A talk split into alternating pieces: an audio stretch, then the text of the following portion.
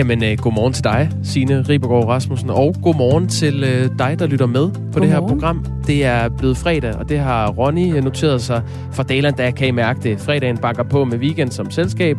På turen til arbejde blev fredagssangen med tæskeholdet skruet helt op.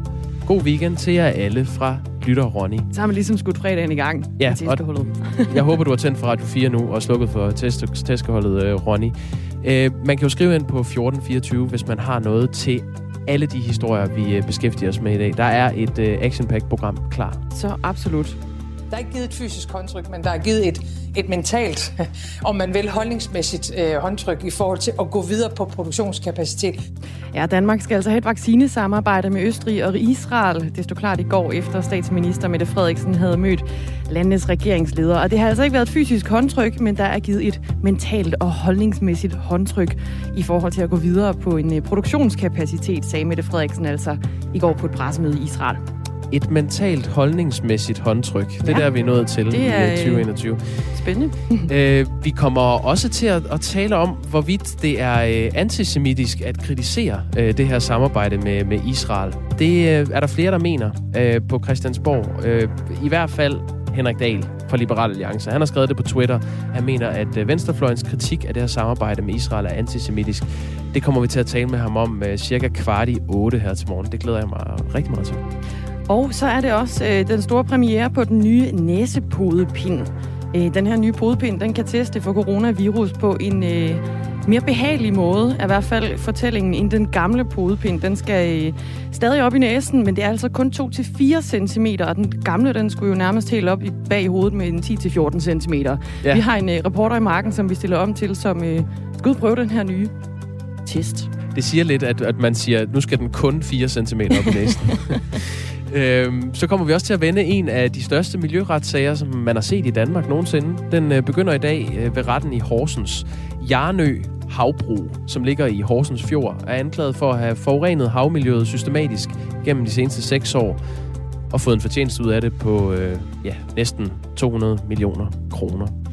Det er meget mere altså på programmet i dag i Radio 4 morgen. Velkommen indenfor. Ja, klokken den er blevet 8 minutter over 6.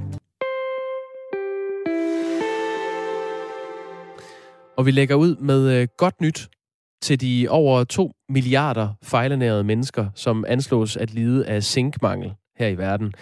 Et hold forskere anført af Københavns Universitet har nemlig fundet ud af, hvordan man øh, får øh, øh planter faktisk til at sætte turbo på zinkoptaget. Det er lidt øh, videnskabelig, øh, teknisk historie, men ikke desto mindre interessant. Altså, når mennesker spiser de her planter, så kan de få mere zink. Daniel Olof Persson er adjunkt ved Institut for Plante- og Miljøvidenskab på Københavns Universitet. Godmorgen. Godmorgen. Hvordan kan jeres forskning helt konkret hjælpe fejlernærede øh, mennesker med at få øh, mere zink? Ja, altså, øh, det, vi tror, at det har en enorm potentiale at gøre det. Øh, det er ikke i, i morgen, men i, i, i fremtidens øh, landbrug som kan blive meget mere målrettet, øh, hvor, og, hvor afgrøderne kan blive øh, meget mere øh, næringsholdige. Og hvad er det, der sker? Det kan være det der, vi skal gå hen nu. Altså, hvad er det, der sker, hvis man har zinkmangel? Altså, i et menneske, det, det er forfærdeligt, faktisk. Øh, det, det rammer øh, små børn øh, i deres øh, udvikling og gravide kvinder.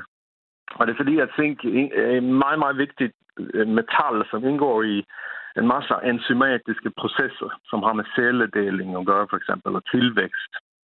Så derfor øh, og immunforsvar, og der er en hel række øh, virkelig slemme sygdomme, som man får, hvis man ikke spiser nok zink.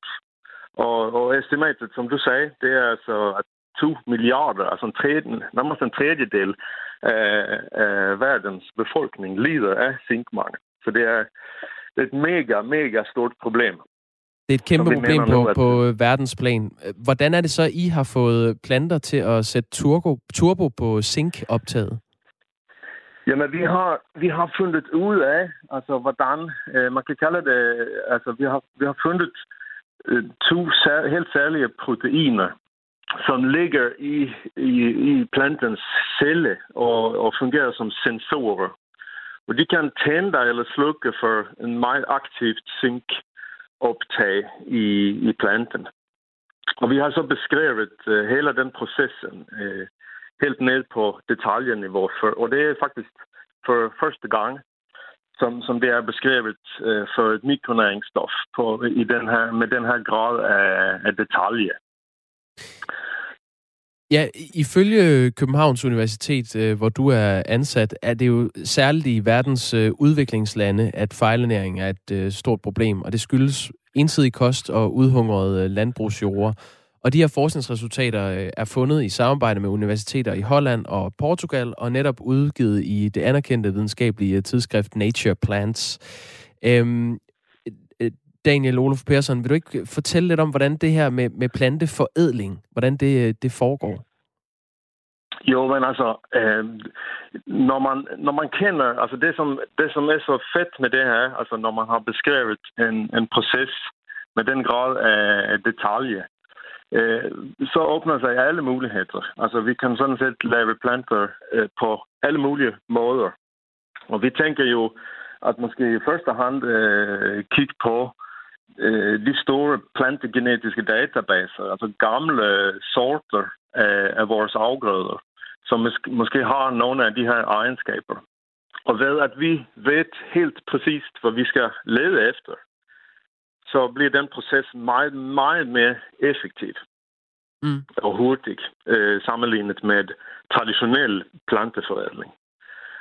Øh, og øh, udover det, så kan man bruge, øh, bruge genetiske teknikker for at lave den her meget, meget lille ændring. Det er faktisk en enkelt aminosyre, som skal ændres i, i plantens øh, DNA. Uh, der kan man bruge for eksempel CRISPR-Cas, uh, den her Nobelpris-teknikken. Det er sådan en klippeværktøj til DNA, ikke? Ja, eksakt.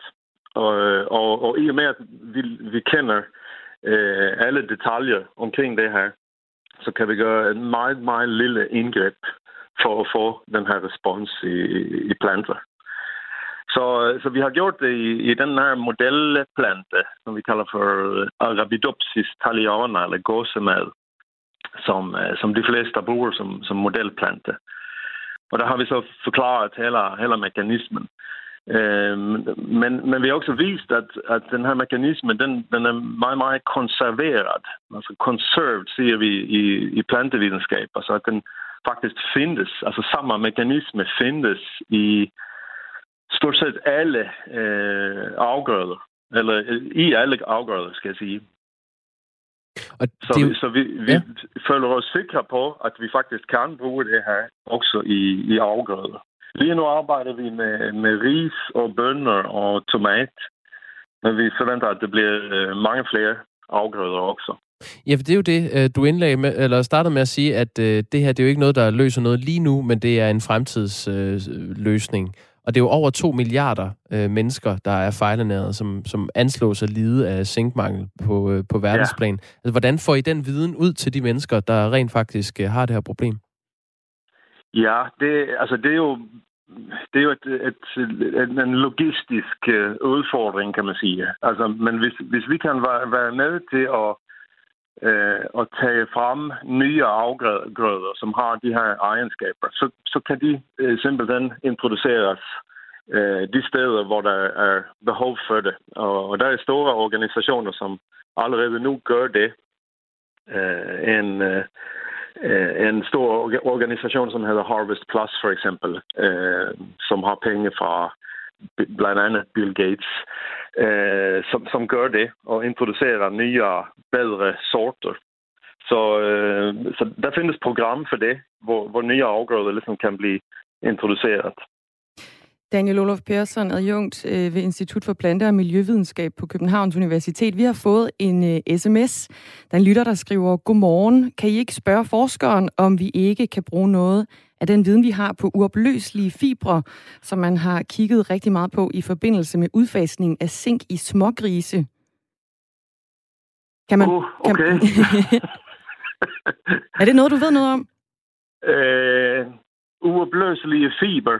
Øh, Ja, der må jeg sige pas. Øh, den kom lidt... Øh, det ved jeg ikke ret meget om. Den skød ved siden af, men vi siger i hvert fald tusind tak til Rune for at øh, have skrevet ind på 1424'eren.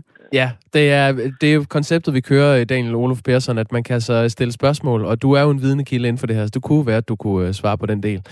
Men øh, ved du hvad, vi siger også bare tak til, til dig for at fortælle om det her. Ja, super. Interessant. Øh, tak skal du have. Daniel Olof Persson, som er adjunkt på Institut for Plante- og Miljøvidenskab ved øh, Københavns Universitet. Og det er altså fordi, at man med øh, et øh, hold forskere anført af Københavns Universitet har fundet ud af, hvordan man får planter til at sætte turbo på zinkoptaget. Det gør altså, at mennesker, som er fejlernæret, to milliarder mennesker, som anslås at lide af zinkmangel på verdensplan, at når de spiser de her planter, så får de mere zink. Og så skulle den potte være ude. Og givet barberet. 16 minutter over 6 klokken. I dag der er det den 5. Øh, marts, og i går der var det jo så den 4. Øh, marts. Og du fortalte lige kort i går om, at øh, gårdsdagen også bød på en frygt for et muligt nyt angreb mod området, hvor øh, kongressen med senatet og repræsentanternes hus ligger i øh, USA, Jakob. Ja. Øh, ligesom der altså skete den, øh, den 6. januar, hvor, hvor kongressen blev stormet.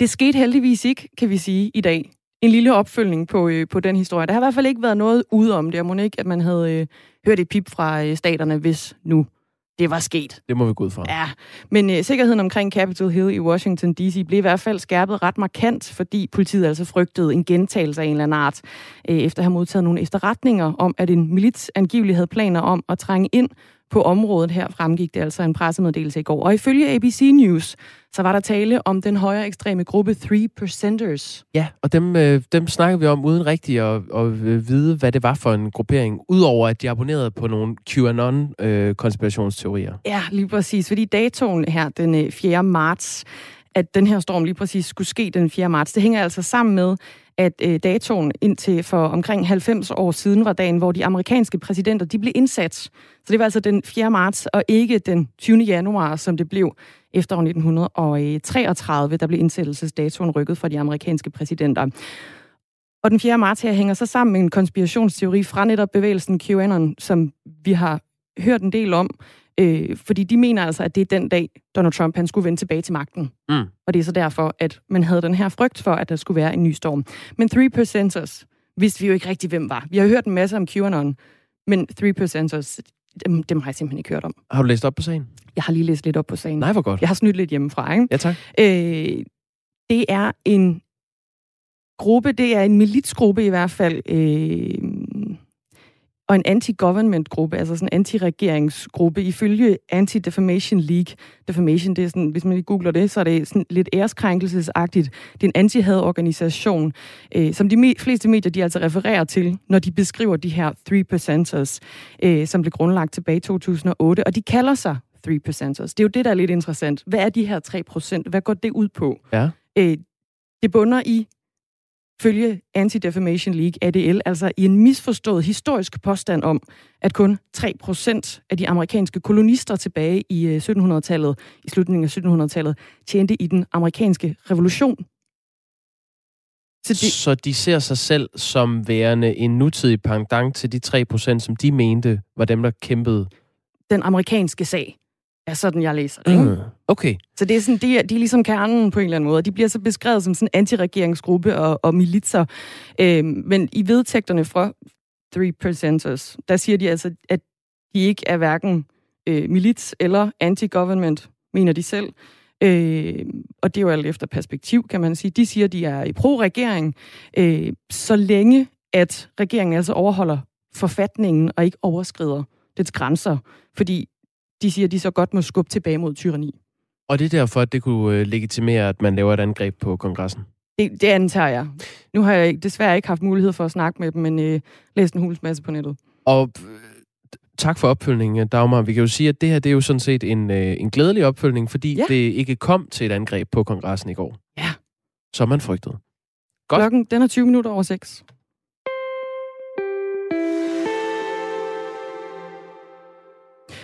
Og sammen med Østrigs forbundskansler Sebastian øh, Kurz besøgte statsminister Mette Frederiksen, som øh, mange er bekendt med jo i går Israel.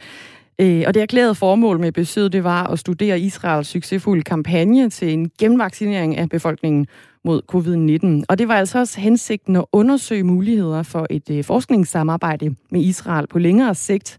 Og så var der på forhånd også tale om produktion af vacciner, og det kommenterede statsminister Mette Frederiksen på på et øh, efterfølgende pressemøde.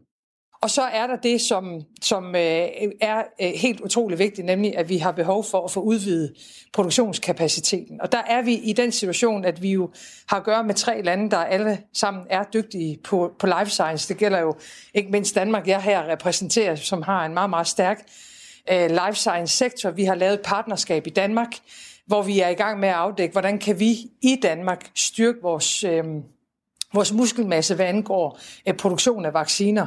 Og vi er blevet enige om nu at lave et partnerskab, de tre lande mellem, funderet i landene, med hvad vi nu hver især kan her og nu, og også i fremtiden. Og det byder vi så ind i et, øh, et fællesskab med. Og der, der, der, jeg har meget, meget stor tiltro til, at vi i Danmark vil kunne meget mere på vaccineområdet, end det vi kan i dag.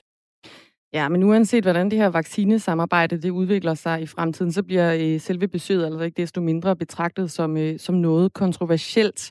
Og nu kan vi sige øh, godmorgen til dig, Hans Henrik Fafner. Ja, godmorgen. Udlandsredaktør ja, på det... POV International, og du befinder dig altså i, øh, i Tel Aviv. Øh, vi vidste ikke ret meget om, øh, hvad der skulle foregå inden turen, og vi snakkede også med dig øh, i går om det her. Hvad ved vi i dag? Ja, øh, jeg var med i Jerusalem i går til pressemødet, og øh, der fik vi da noget at vide, men i grunden ikke ret meget. Altså det vi har fået at vide er, at der nu er blevet lagt et grundlag for et øh, samarbejde. Øh, Mette Frederiksen sagde, at der i løbet af nogle dage vil blive skabt et fundament for en fond, som man er blevet enige om som altså skal kunne stå for øh, finansiering eller ophjælp af øh, det her forskningssamarbejde, som der er tale om. Men øh, jeg spurgte specifikt ind til øh, produktion. Jeg spurgte til en øh, israelsk virksomhed, Teva, som er, er, er globalt førende øh, på, på netop det her område. Øh, og hun sagde, at den, det var slet ikke øh, blevet vendt under samtalerne i går. Så det er altså et møde, som, som øh, øh, på mange måder har, har bevæget sig på overfladen. Men øh, så spurgte jeg også, men hvorfor er det så vigtigt at, at, at komme herned og være her fysisk? Fordi i dag, der kan man jo lave sådan nogle møder digitalt over øh, alle de her forskellige platforme. Og så sagde hun, at det, øh, hun ser det her som noget, som er så, for så er så stor betydning, at, øh, at øh, det simpelthen var nødvendigt at være her. Øh, og der ligger hun selvfølgelig op til noget stort, men øh, hvad det er store overhovedet kommer til at gå på, øh, det er altså forløbig, forløbig kun nogle ansøgninger. Hun sagde, at der var givet mentalt håndtryk, ikke fysisk håndtryk, det må man jo i øjeblikket, men der var givet mentalt håndtryk på et samarbejde mellem de tre lande. Ja, og hvad bliver der sagt, og lige så meget, hvad bliver der ikke sagt? Altså, hvad mangler vi fortsat svar på i forhold til det her samarbejde? Jamen altså, vi mangler, vi, mangler svar på, hvornår den her kapacitet så vil være op på, på, på, på den højde, som man ønsker. Øh, altså hun sagde, at det er vigtigt at fremtidssikre sig, men altså også at øh, øh, være på forkant med udviklingen. Altså da pandemien ramte os, der, der øh, manglede man stadigvæk mange ting, og det er den situation, man gerne vil undgå at komme i, ved simpelthen at være på forskningsmæssig forkant. Men man vil jo gerne vide, hvornår kan man, hvornår kan man så være det, og det fik vi ikke noget svar, øh, klart svar svar på. Og i dag der fylder billeder så af, af Mette Frederiksen, Sebastian Kurz og Benjamin Netanyahu sammen i mediebilledet. Hvad er det for en signal, det sender, at de optræder sammen, de tre her? Ja, det er jo øh, ret interessant, øh, altså at øh, Mette Frederiksen og Sebastian Kurz øh, valgte at rejse ned, hænger jo selvfølgelig sammen med, at de to har øh, konfereret temmelig ofte med Benjamin Netanyahu i løbet af pandemien, men at de nu står her til sådan en photo opportunity tre sammen, øh, det er jo helt klart en øh, gevaldig hjælp til Netanyahu, som jo øh, står i en valgkamp. Israel går til valg den 23. marts, altså om kort tid, og øh, han er i krise. Øh, vælgerne har vendt sig imod ham og så videre, og det her, det kan han jo så skildre som øh, en øh, politisk sejr. Øh, det blev der selvfølgelig også spurgt til, øh, og Mette Frederiksen sagde, jamen det er jo demokratiets vilkår. Altså, øh, man kan jo ikke holde op med at samarbejde med et land, bare fordi der er valg i øjeblikket. Og det er jo sådan en lidt, skal vi sige, øh, overfladisk betragtning, fordi det her, det er jo ikke et hvilket som helst valg, altså det er et valg, som på mange måder er temmelig kontroversielt, og øh, det er jo også det, de her billeder afspejler. Hans Henrik Fafner, det er jo også en del af den øh, kritik, øh, der har ramt Mette Frederiksen og regeringen, at man øh, går ind og legitimerer en leder, som er under anklager om øh, korruption, og som øh, det er blevet fremlagt sådan, at han kunne bruge det i sin valgkamp. Er det, er det simpelthen rigtigt nok, når du kigger på den dækning, der er i Israel lige nu af det her øh, samarbejde? Er det så en, en sejr for Benjamin Netanyahu? Jamen, det vil i allerhøjeste grad være en sejr for, for Benjamin Netanyahu. Han står op imod nogle øh, korruptionsanklager, der venter en, en, en kedelig retssag, som kan resultere i en fængselsstraf. Øh, Israel øh, befinder sig i en langvarig politisk krise. Øh, valget den 23. marts, det bliver det fjerde valg på lige godt to år, øh, hvor det hele vejen igennem har været meget tydeligt, at hele det her spil, det drejer sig om, at Netanyahu skal holde sig ved den politiske magt. For i det øjeblik, han ikke længere er statsleder, så øh, vil det også være lettere at trække ham i retssalen. Så øh, det, øh, og, og, og det han så kan bruge det her til, det er at signalere over for vælgerne, jamen se, jeg gør en hel masse for jer, jeg står her som en stærk leder, så stem på mig. Og, og, og det, er jo det, øh, det er jo det signal, han giver.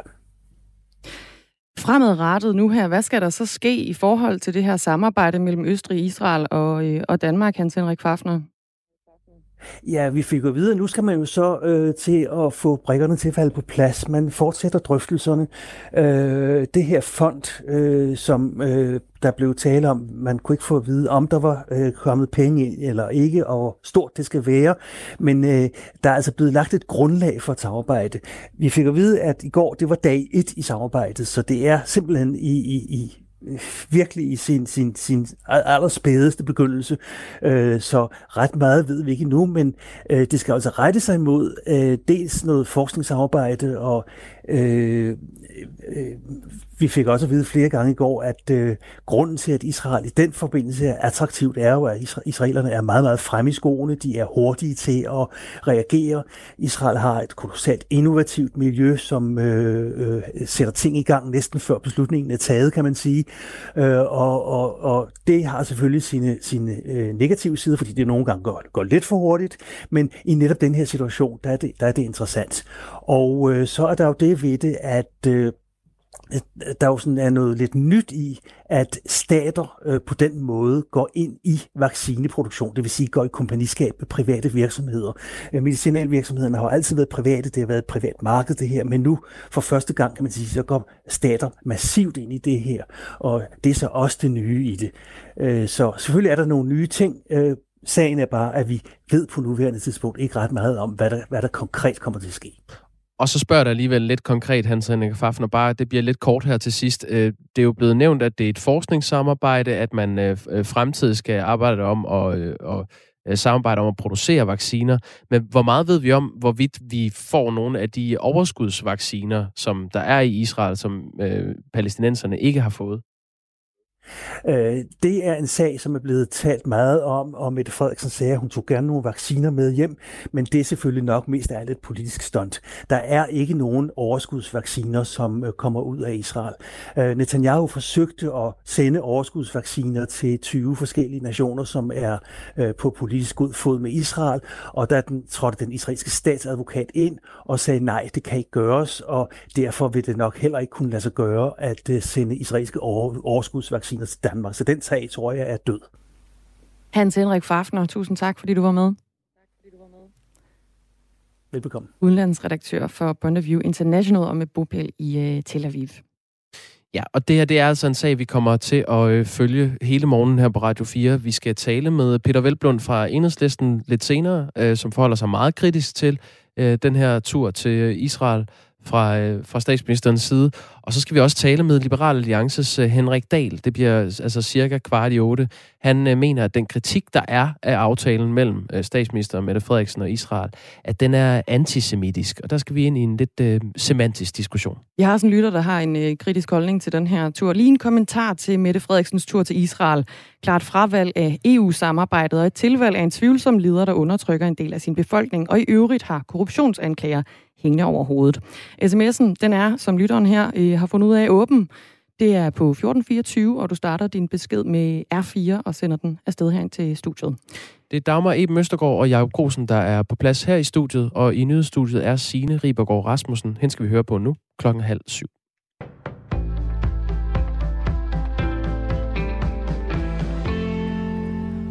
Den næste tid vil en række eksperter regne på, hvad der kan anbefales at gøre i forhold til lempelser af de nuværende coronarestriktioner. Beregningerne vil regeringen præsentere for resten af Folketingets partier efter den 15. marts, der er næste dato for en mulig yderligere genåbning, det oplyser Sundhedsministeriet. Anne Philipsen fortæller. Ekspertgruppen kommer til at regne på en yderligere genåbning af erhverv og arbejdsliv, undervisning, kultur og idræt. Det vil sige, at der er i gang sat arbejde med beregninger eller kvalitative vurderinger af alle samfundsområder, som lige nu er underlagt coronarestriktioner. Ifølge Sundhedsministeriet vil der så vidt muligt blive set på scenarier, hvor der regnes på delvise lempelser med et vist lag af restriktioner, for eksempel i form af test. Det skal gøre, at der kan åbnes maksimalt inden for hver sektor i forhold til, hvad der er sundhedsmæssigt forsvarligt. Nogle af lempelserne er ikke mulige at regne på konkret. Her der bliver der i gang sat kvalitative vurderinger fra sundhedsmyndighederne, lyder det. Og sådan lød det altså fra min kollega Anne Philipsen. Det vækker både opsigt hos Venstre og enhedslisten, at statsminister Mette Frederiksen har indgået en aftale med Østrig og Israel om blandt andet vaccineproduktion, uden at rådføre sig med Folketinget. På et pressemøde i går præsenterede Mette Frederiksen en aftale med de to lande om blandt andet fælles forskning og udvikling og fremtidig vaccineproduktion. Men det undrer Venstres udenrigspolitiske ordfører Michael Ostrup Jensen, at det er sket uden at Folketinget er blevet informeret. Jeg er ekstremt forundret. Altså, det er jo sådan, at det jo faktisk står i grundloven, at før at regeringen går ind og laver øh, større udenrigspolitiske aftaler, så skal man øh, rådføre sig med udenrigspolitisk nævn. Og derfor så har Venstre sammen med enhedslisten og de radikale nu stillet spørgsmål om, hvorfor man ikke har rådført sig med udenrigspolitisk nævn, inden man har indgået aftalen. Gruppeformand for enhedslisten Peter Velblund har også indkaldt statsministeren til en hasteforspørgsel, efter at den internationale aftale er blevet præsenteret. Det her er jo ikke noget, hun har aftalt med nogle af Folketingets partier. Det er ikke nogen, der er, øh, der er blevet informeret om det. Der er ikke søgt opbakning til det. Vi aner ikke, hvad der ligger i de aftaler, hun åbenbart har indgået omkring øh, forskningsmidler og, og åbenbart også en eller anden form for vaccineproduktion. Og derfor så er det dybt forunderligt, at, øh, at hun bare øh, rejser ned og laver den slags, øh, den slags aftaler, uden at sikre sig, at der er en parlamentarisk opbakning til det. Den kinesiske regering vil ændre Hongkongs valgsystem for at sikre, at det er patrioter, der styrer byen. Det bekræfter en ledende kinesisk embedsmand til nyhedsbureauet Reuters op til den nationale folkekongres NPC i Kina, som er begyndt i dag. Der er en række ændringer på tapetet. Blandt andet vil Kina via et udvalg foretage en kritisk gennemgang af flere parlamentsmedlemmer i Hongkong. Det siger et medlem af Folkekongressen ifølge nyhedsbureauet AFP. Derudover vil Kina ændre sammensætningen og størrelsen på den valgkomité på 1200 personer, der udpeger regeringschefen i Hongkong, skriver Reuters. Flere internationale medier mener, at ændringerne i valgsystemet kan blive et stort slag mod demokratiet i Hongkong, som i forvejen er under stort pres. Kinesiske statsmedier fastholder dog ifølge Reuters, at det ikke bliver tilfældet. I dag er det tilfældet, at vi får en solrig dag med en mulighed for enkelte sludbyer på Bornholm. Temperatur mellem 2 og 6 grader, og her i morgentimerne er der risiko for stedvise rimglatte veje. Det var alt fra nyhederne i den her omgang i studiet. Signe Ribergaard Rasmussen.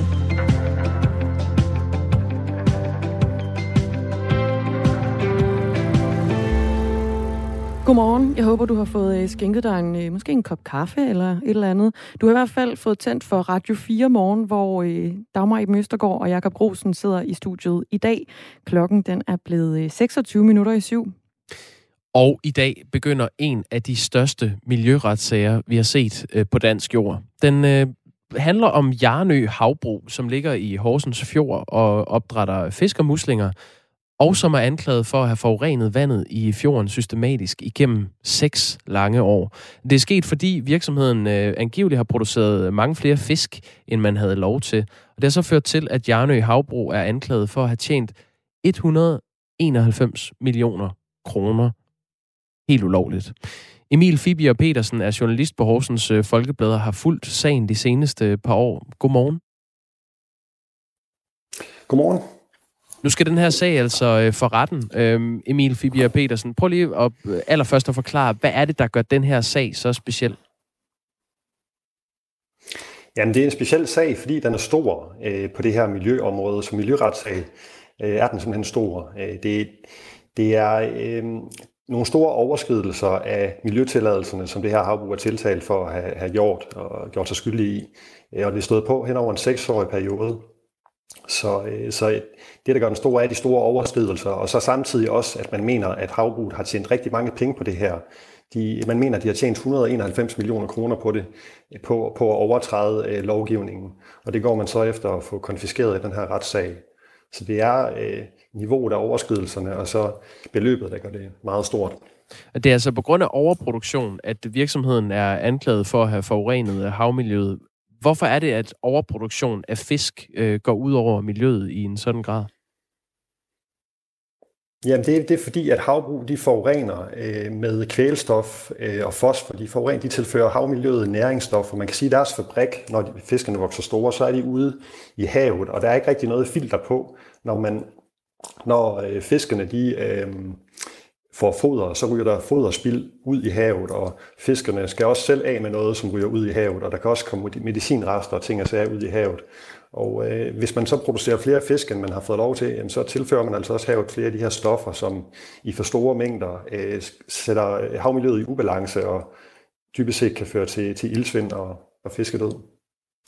Hvem er det, der har været øh, drivkraften bag, at den her øh, miljøretssag har vokset sig så stor, og nu rent faktisk skal for retten? Vi har læst mig til, at Jarnø Havbro er anklaget for 31 forskellige forhold ved den her retssag. Ja, det er 31 forhold ind over 6 år, og det er altså en sag, der har været lang tid undervejs, fordi helt tilbage i 2015, der blev virksomheden politianmeldt for første gang, og det var nogle borgere på øh, Endelave, øh, som egentlig samlede sig og, og begyndte med at se nærmere på det her havbrug, fordi det havde fået lov til at lave et, et nyt havbrugsanlæg ud for Endelave. Og man så på, hvor meget, hvor meget det her havbrug fik lov til at, at, at tilføre havmiljøet af, af næringsstoffer, og, og begyndte med at se lidt skeptisk på det. Og, og da man så kiggede på det, så kunne man, fik man mistanke om, at der egentlig også øh, foregik en større produktion, man havde lov til. Og, og man øh, begyndte med at ja, og kigge på anlæggene og, øh, og fik, fik begrundet mistanke og, og gik så videre til politiet med det. Øh, så, så det er faktisk begyndt med nogle borgere, som har siddet og arbejdet med det selv. Og der skete så ikke noget i lang tid, øh, men så på et tidspunkt kom der altså nye indikationer, og Danmarks Sportsfiskerforbund, som er imod havbrug, øh, gik ind i sagen og begyndte med at undersøge nogle ting også, og fandt nye beviser, og de politianmeldelser har brugt i 2018, og det var på det tidspunkt, der rigtig kom skrevet i sagen. Du har jo fulgt den her øh, retssag, eller sag, øh, som den startede de seneste par år, øh, og har set de former og, og farver, den har haft. Nu står øh, Jarnø Havbro altså til at være anklaget for at have forurenet op til fire gange så meget, som det har været øh, tilladt. Hvordan har, øh, har Jarnø Havbro forholdt sig til den her retssag? Ja, fire gange, ja, det er faktisk i perioder. Nogle år, så var det faktisk op til, at de har udledt øh, mere end seks gange så meget kvælstof, som de havde lov til, ifølge anklageskriftet i hvert fald. Og Jarnø Harbru har øh, ja, nægter sig overordnet skyldig øh, i at have forurenet, og også at have brudt tilladelserne. Men det, det er i hvert fald det, man ved Øh, men, men havbrugens ejer har ikke øh, rigtig vil udtale sig i den her langstrakte sag. Øh, og det er sådan meget via politiet og også via kommunen har været tilsynsmyndighed, man har, man har fået og hørt nogle indrømmelser fra havbruget om, at jo, de har måske øh, udledt mere, end der lige stod, i øh, kunden i, i deres miljøtilladelser, øh, men til gengæld siger de så, at de har kompenseret for den her udledning og fjernet nogle af de her næringsstoffer ved at gøre nogle forskellige tiltag. Øhm, og det, er så, det, det bliver så nok også deres forsvar i retten øh, her. Det her det er jo en af de største øh, miljøretssager, man har set i Danmark. Øh, det indledte jeg også med at, at sige til det her interview med dig, øh, Emil Fibier Petersen, altså journalist på, øh, på Horsens øh, Folkeblad, som har fulgt den her sag. Hvor, hvor lang tid kommer den til at køre? Altså, hvad er der berammet øh, til den her retssag? Den begynder i dag, og så er der afsat øh, fem dage øh, samlet set øh, hen over de næste godt og vel to uger. Øhm, og så må vi se, øh, om, om de bliver klar til at afsige dom på femte dagen, eller de skal have lidt øh, betingelsestid. Tak skal du have, fordi du var med. Det var slet. Goddag. Emil, øh, tak lige måde. Emil Fibier Petersen, som altså er journalist på øh, Horsens øh, Folkeblader, har fulgt den her sag mod Jarnø Havbro, som altså øh, står øh, tiltalt for at have øh, systematisk have forurenet øh, vandet i Horsens Fjord gennem seks år, og også har tjent en god skilling på det, 191 millioner kroner, som skulle være tjent på ulovligt grundlag. Det er en øh, sag, som vi kommer til at øh, følge op på, når der sker nyt. Lige nu er klokken 20 minutter i syv. Sidste år der faldt antallet af flygtninge og migranter, der kom til Europa til det laveste niveau i årvis. Og det mærker vi altså også her i Danmark, hvor der aldrig er registreret så få nye asylansøgere. Den stærke bevogtning af de ydre grænser har fået nogen til helt at holde op med at søge mod Europa, men det er altså langt fra alle.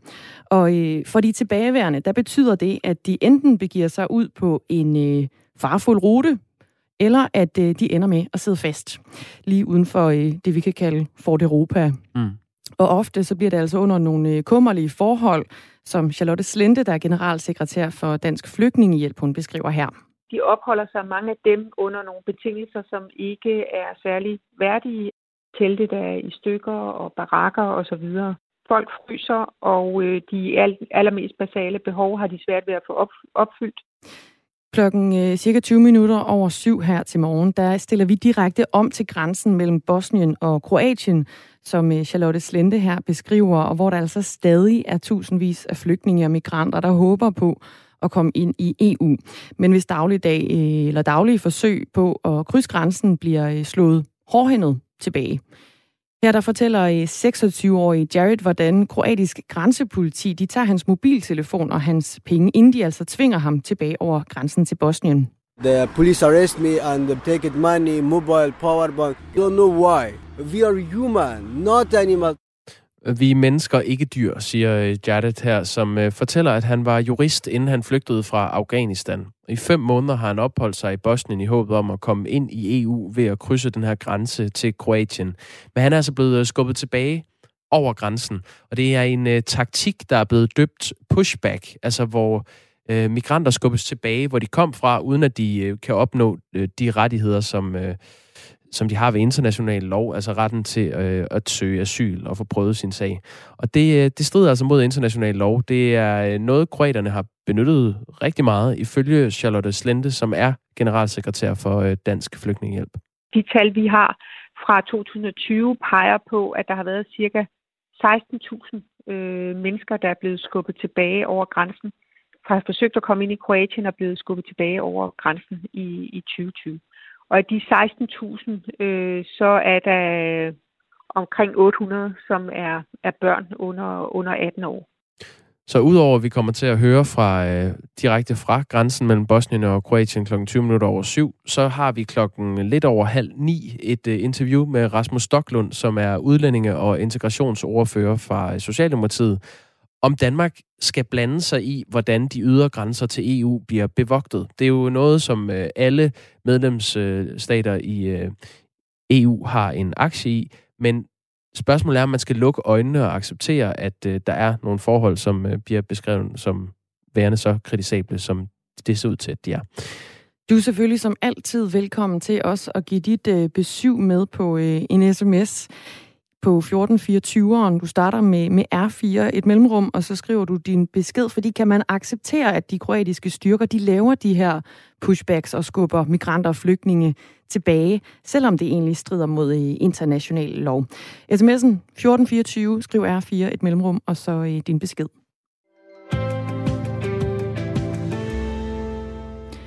Dramaet mellem det øh, britiske kongehus på den ene side, og øh, prins Harry og hans hustru Meghan Markle på den anden side spidser til nu.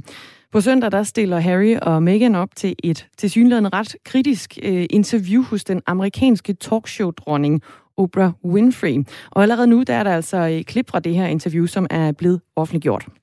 How do you feel about the palace hearing you speak your truth today? I don't know how they could expect that after all of this time, we would still just be silent if there is an active role that the firm is playing in perpetuating falsehoods about us. And if that comes with risk of losing things, I mean, I've Jeg ved ikke, hvordan de kunne forvente, at vi efter al den tid stadig blot ville være tavse, når hoffet har spillet en aktiv rolle i at opretholde løgne omkring os, siger øh, Meghan Markle blandt andet i det her klip. Og på den anden side, der øh, i gang satte det britiske hof i den her uge en undersøgelse af påstande om mobning blandt Meghan Markles tidligere ansatte. Så nu er der altså øh, to fronter, som til synlædende for alvor er trukket op. Godmorgen, Jakob Heinl Jensen. Godmorgen. Journalist på Se og Hør, og du dækker blandt andet øh, de kongelige forbladet, og så har du øh, boet i, øh, i USA, og vi hørte jo lige et klip her fra et talkshow med, med Oprah Winfrey. Der er altså to kritiske historier ja. om øh, det britiske kongehus lige nu. Der er interviewet på søndag, og så er der undersøgelsen af mobning. Er der en sammenhæng i timing mellem øh, de her to ting, som du ser det? Ja, altså det, øh, når, man, når man kigger på det øh, øh, udefra, så ligner det jo en, øh, som den britiske presse hvis kalder det, en all-out war mellem, øh, hvad hedder det, øh, øh, Harry og Meghan og kongehuset på den anden side, fordi det kommer selvfølgelig på et, øh, på, på et, på et ganske øh, ejendomligt tidspunkt. Jeg lægger meget mærke til, at det også er The Times i London, der først øh, breaker den her historie, altså et meget, meget anerkendt dagblad i, i de britiske medier, og ikke en del af den her tabloidpresse, som Meghan og Harry i, uh, i, i overvis har fortalt, at de er blevet hetset af. Nu er det altså et seriøst dagblad, der viderebringer de her oplysninger om den undersøgelse, som Buckingham Palace nu går i gang med. Øhm, og, det, øh, og, det, øh, og det vejer selvfølgelig tungt, det bliver enormt spændende på søndag at se, hvad det er for nogle ting, Meghan og Harry øh, vil fortælle. Men lige nu, der er der jo også den her undersøgelse, hvor det er altså, øh, ifølge de oplysninger, der er kommet frem, er hele 10 personer, som har arbejdet under Meghan og Harry, der fortæller, at Meghan mobbede dem. Og hvad der er kommet frem om den her mobning, hvad, hvad ved vi om det? Og det er lidt det interessante, for der er egentlig ikke kommet specielt mange øh, sådan, hvad skal man sige, øh, specifikke eksempler. Der har tidligere været drøbvis øh, af historier omkring, hvordan Megan øh, drev en eller anden form for hets på sine medarbejdere. Der har været historier om folk, der har brudt sammen. Der har været historier om øh, en lindstrøm af e-mails på alle verdens tidspunkter af døgnet, hvor hun krævede alle mulige ting. Men det er måske knap så overraskende. Altså den britiske kongefamilie er kendt for det har vi også set øh, i øh, tv-udsendelser igennem årene. At være en anelse øh, krævende. Der har været historier tidligere om Prince Andrew, der, øh, der fortalte ham, der vækkede ham hver morgen, at han skulle fuck off, undskyld mit sprog, men det var det, han sagde. Øhm, og, og, og, og, og de andre medlemmer, Princess Anne, har også været en, en strile øh, over for, for sine medarbejdere, så det der måske ikke så meget nyt i.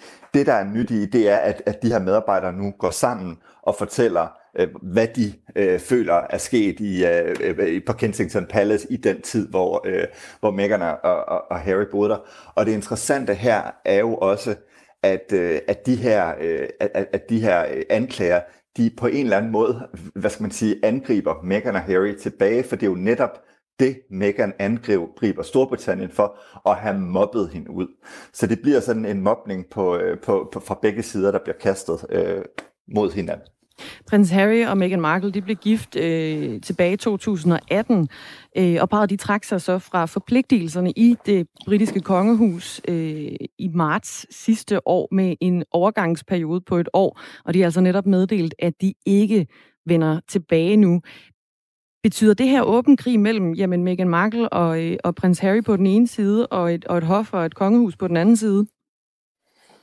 Ja, det gør det. Det er, det er, det nok den mest åbne konfrontation, vi har set i det britiske kongehus siden øh, prinsesse Diana. Og det er jo i øvrigt også et af de kort, øh, uh, Harry trækker frem og har trukket frem igennem hele den her periode, hvor de, er, øh, hvor de har trukket sig øh, fra kongehuset, fordi øh, Harry har jo den her, øh, den her øh, øh, fortælling om hans mor, der blev hetset og blev forfulgt af pressen og, og alle de her ting, og han er bange for, at det samme kommer til at ske for Megan. Og det er ligesom hans grund til at sige øh, tak, men nu, øh, nu forlader vi, øh, hvad hedder det, nu forlader vi den øh, skuden og, og, og flytter væk. Og at den historie, den har han sådan set gentaget, og det er nok også noget af det, vi vil komme til at se i søndagens interview med Oprah Winfrey, at han vil gentage den der frygt for, at history repeats itself, at det sker igen. Øh, det er klart, at Harry var en meget ung dreng, da hans mor døde i en tunnel i Paris. Det har sat nogle voldsomme ar i, i drengen, men man skal også bare lige huske på den anden side, at grunden til, at Princess Diana døde, det har vi set øh, i retten, det var, at øh, hendes chauffør, der kørte den her bil, var ikke bare lidt fuld, men øh, øh, sindssygt beruset. Øh, og den fortælling har Harry ikke så meget med i det. Det er ligesom om han stadigvæk øh, øh, øh, mener, at det var pressen, der slog hans mor ihjel. Og det er det, han frygter nu ved, eller måske ikke lige at blive slået ihjel, men den øh, forfølgelse føler han øh, er ved at ske nu igen med Megan. Jakob Heinl Jensen, du er jo øh, journalist på øh, Se og Hør og øh, følger blandt andet den her øh, sag indgående. Du kender jo også til, hvordan øh, den tabloide presse i, øh, i England øh, behandler det britiske kongehus og sager derfra. Jeg er lidt interesseret i, hvor retter pressen ligesom... Øh, I sådan en fortælling, så er der tit en skurk. Hvem er skurken i pressens dækning af det her lige nu? Er det, er det Harry? Er det Meghan øh, Markle, der er kommet ind og har fået Harry øh, til at handle på noget, han har gået med længe? Eller er det det britiske kongehus, som har frosset det her par ud? Altså, hvem er skurken? Jamen, det er jo det, der er lidt interessant i den her sag, fordi i Danmark, der er vi vant til, at kongehuset har en enorm høj opbakning konstant. Øh, danskerne elsker kongehuset. Sådan er det ikke i Storbritannien. Der kører det mere op og ned. Hvis de har en dårlig sag, så falder populariteten voldsomt i befolkningen, og så kan den stige igen. Lige præcis i den her sag, der ligger støtten øh, overraskende nok måske ved det britiske kongehus, også fordi mange britter føler, at Prince Harry ligesom har forladt øh, landet, og, og så er der jo også det her begreb i Storbritannien, duty, øh, altså hvad hedder det, pligt, og øh, Prince Harry han blev ved med at tale om, at han stadigvæk vil udføre sin øh, pligt for den, øh, for den britiske trone, i, i, så længe han lever. Men spørgsmålet er, gør han det, når han flytter til Kalifornien og underskriver, hvad hedder det, filmaftaler med Netflix og så videre? hvor er det lige hans duty ligger? Og det bliver en del af fortællingen i Storbritannien også, at han bare er løbet væk hjemmefra med en amerikansk Hollywood-stjerne. Og det er, det er jo ikke noget, man ser specielt positivt på. Og der var det jo helt anderledes med Princess Diana. Hun var jo folkets prinsesse, øh, og der var enormt stor øh, sympati for hendes situation også øh, for britterne, og der var det lige præcis modsat, for der var det ikke kongehuset, man fulgte med, men stakkels Diana, som ikke fik anerkendelse, som bare var blevet øh, behandlet dårligt i kongehuset. Så der er altså et klart skifte der, og det bliver et problem for, Princess, øh, for Prince Harry, at han ikke har folkets støtte på samme måde. Nu snakkede du også lidt, altså nu var du inde omkring øh, det britiske kongehusets popularitet, og du nævnte også lige tidligere interviewet her, prins Andrew. Der har ligesom været nogle, øh, kan man sige, nogle dårlige sager for det britiske kongehus, øh, og, og populariteten bølger op og ned, siger du også. Hvordan ser populariteten ud lige nu blandt det britiske folk i forhold til kongehuset? Jamen, kongehuset er populært, og det, øh, og, og, og det er ikke, øh, og, og som jeg sagde, det er ikke, det er ikke bare en selvfølge i, øh, i Storbritannien, at det er det. Øh, men, men det er klart, at det har lidt nogle, øh, nogle voldsomme skader, også under Prince Andrew-sagen, som jo også har fyldt utrolig meget i, i pressen her de sidste par år. Så det har, det, det, altså det, det, de har ikke, altså de har ikke, de har ikke haft specielt mange gode sager, men de bliver altså også løftet op af William og Kate og dronningen. Og så skal vi heller ikke lige forglemme, at Prince Philip lige nu ligger på hospitalet i London og er blevet opereret i hjertet, 99 år gammel. Øh, og, og, og, og, og, og de ting kan man ligesom sige er med til at holde populariteten oppe, på trods af de mange møgssager, de har været igennem de sidste par år. Så en sympati for en prins holder også øh, populariteten op. Ja, og, det, og, og, og, og der må man også bare sige, Meghan Harris timing kommer øh, på et utroligt ringe tidspunkt, fordi det her, øh, øh, det her interview bliver sendt på søndag, imens Prince Philip stadigvæk er indlagt og lige er blevet opereret i hjertet. Øh, derfor kan man ikke lade med at tænke, altså nu øh, kører Meghan og Harry det her tunge Oprah Winfrey-skyts ud, og hjemme i Storbritannien kæmper de med corona, og Prince Philip ligger på hospitalet. Det er svært øh, for britterne at finde sympatien for Meghan og Harry lige her. Øh, den sympati kan vores lytter Silas heller ikke rigtig finde frem. Han øh, skriver her på sms'en, øh, Meghan er en god skuespiller og har skruet hovedet rundt på øh, Harry. De siger, de er trådt tilbage for at undgå pressen, og nu stiller de op øh, til alt, hvor de kan udstilles. Hvordan hænger det sammen, spørger Silas. Ja, men det er jo, ja, og det er jo det, der absolut ikke hænger sammen. Og det er der jo også mange, der spørger sig selv. Det har jeg spurgt mig selv om fra day one. Hvis du gerne vil væk fra pressens søgelys, hvorfor flytter du så fra Storbritannien til syd, det sydlige Kalifornien, tæt på Los Angeles, hvor der er, det er nok et af de steder i hele verden, hvor der er mest presse. Hvorfor underskriver du aftaler med Netflix osv., hvis du gerne vil leve tilbagetrukket liv? Hvis Prince Harry og Meghan gerne vil leve tilbagetrukne liv, så har de jo købt en eller anden ø et eller andet sted, og så har de sagt, bye bye, og så de siddet der resten af deres dage. Det er jo ikke det, de ønsker. De ønsker bare en anden opmærksomhed, end den, de har fået i øh, Storbritannien. Øh, og det øh, skal man også se i det her Oprah-interview. Det her det er den, de nye, det nye øh, hertug øh, og hertuginde, der, der, ligesom kommer, øh, der, der ligesom bestemmer, hvordan de vil, øh, vil, vil, vil sætte dagsordenen for begyndelsen af resten af deres liv. Og, øh, og det hænger jo absolut ikke særlig godt sammen med at leve et tilbagetrukket liv. Jakob Heinl Jensen, tusind tak. Det var så let. Kan I have en god dag? Ja, tak og i lige måde. måde. Journalist på øh, Se og Hør, altså med os på øh, det her, vi kan sige, øh, drama, der udspiller sig i et britisk kongehus, hvor øh, der på den ene side er øh, mobningsbeskyldninger og en øh, undersøgelse gået i gang i forhold til, hvordan øh, hoffet altså har det ved det britiske kongehus, som siger blandt andet, at Meghan Markle har, øh, har mobbet dem. Og øh, ja, og så øh, prins Harry og, og Meghan, som altså øh, stiller op til et interview hos Oprah Winfrey øh, og siger, at hoffet lyver. Klokken er 4 minutter i syv.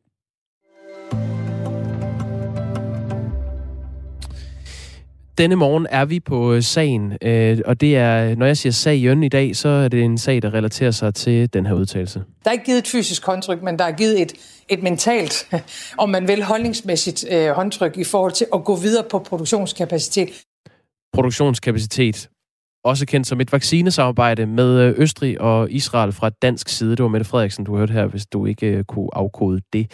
Uh, Mette Frederiksen er vendt tilbage fra Israel med den her øh, øh, trolovelse med Israel og Østrig om et vaccinesamarbejde. Vi har fået en sms fra Søren Hansen, der sidder i Svendborg og undrer sig over, øh, at vi prioriterer en historie og spilder øh, lytternes tid med fuldstændig ligegyldige indslag om ekskongelige i et andet land, her på en morgen, hvor langt det meste burde handle om DK's aftale med apartheidstaten Israel, skriver Søren Hansen. Øh, Søren, du kan tage det helt roligt. Vi er øh, på sagen. Vi har tidligere stillet om til øh, Hans Henrik Fafner, som er journalist, øh, bosat i Tel Aviv, øh, hvor han befinder sig lige nu, øh, med en dækning af, hvad det er, der foregår i Israel, og hvordan debatten er der lige nu. Vi kommer også til at tale med øh, Henrik Dahl senere på morgenen. Det bliver jo lige på den anden side af klokken øh, halv otte. Øh, ej, jeg tror faktisk, vi er til kvart i otte. Øh, Henrik Dahl er øh, medlem af Folketinget for Liberal Alliance og mener, at øh, den her kritik af vaccinesamarbejdet med Israel, at den øh, er antisemitisk. Øh, det skal vi tale med ham om klokken øh, cirka kvart i otte.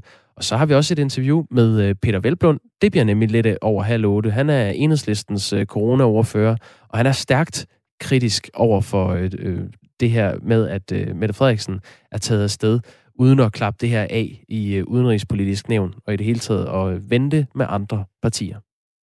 Så vidt altså lige en øh, gennemgang af, hvad der, hvad der også kommer til at ske her i, i løbet af morgenen. Ja, og det kan være, at vi kan tage nogle af de sms'er, der er kommet ind på øh, historien her til morgen. Øhm, lad os tage den her fra... Er kommet ind fra Christoffer. Ja, tag den. Godmorgen. Mette Frederiksens besøg i Israel er helt berettiget og har intet at gøre med apartheid. Hvis palæstinenserne brugte deres midler på andet end raketter, undertrykkelse og børneprogrammer, der opfordrer til drab på civile jøder og danskere, ville det arabiske diktatur og palæstinensiske helbredssystem have langt flere muligheder for samarbejde. Så måske skulle man flytte fokus bare en anelse, foreslår Christoffer Fien. Så skriver Mikkel, øh, hvis man taler om jødehad, så brug dog det ord. Palæstinenserne er lige så meget semitter, som israelske jøder er det. Øhm, også en her. Og lige en kommentar til Mette Frederiksens tur til Israel. Klart fravalg af EU-samarbejdet og et tilvalg af en tvivlsom leder, der undertrykker en del af sin befolkning, og i øvrigt har korruptionsanklager hængende over hovedet. Der er kommet en øh, uh, sms også fra, uh, fra HC, den er simpelthen lige tækket ind. Utroligt, at hun kører ene gang igen. Jeg antager, at den sms også handler om, uh, om Mette Frederiksen, at hun altså er taget til, uh, til Israel for at lave det her, uh, det her vaccinesamarbejde. Uh, er der kommet flere her? Bup, bup, Ja, så lad os da give ordet til, til Søren Hansen, der før brokkede sig over, at, øh, at vi ikke behandlede den her sag. Øhm, han skriver, hvorfor skal Danmark pludselig samarbejde med en apartheidstat som Israel, og så er apartheid i mine øjne en alt for mild betegnelse at bruge om Israel. De bruger de samme metoder over for palæstinenserne, som Nazi-Tyskland i begyndelsen brugte over for jøderne. Øhm... SMS'en den er altså øh, åben. Du kan også skrive ind og øh, byde ind på øh, 1424. Du øh, skriver R4, starter med et øh, mellemrum, og så skriver du din besked. Lige en afsluttende her. Det drejer sig overhovedet ikke om, hvorvidt den palæstinensiske befolkning skal vaccineres eller ej. Det drejer sig om, at det palæstinensiske selvstyre igen vælger kampen mod Israel frem for ansvaret for deres egen befolkning. Tak for sms'erne. Hvor er det skønt. Klokken den er blevet syv, og Signe Ribergaard Rasmussen er klar med nyhederne her på Radio 4.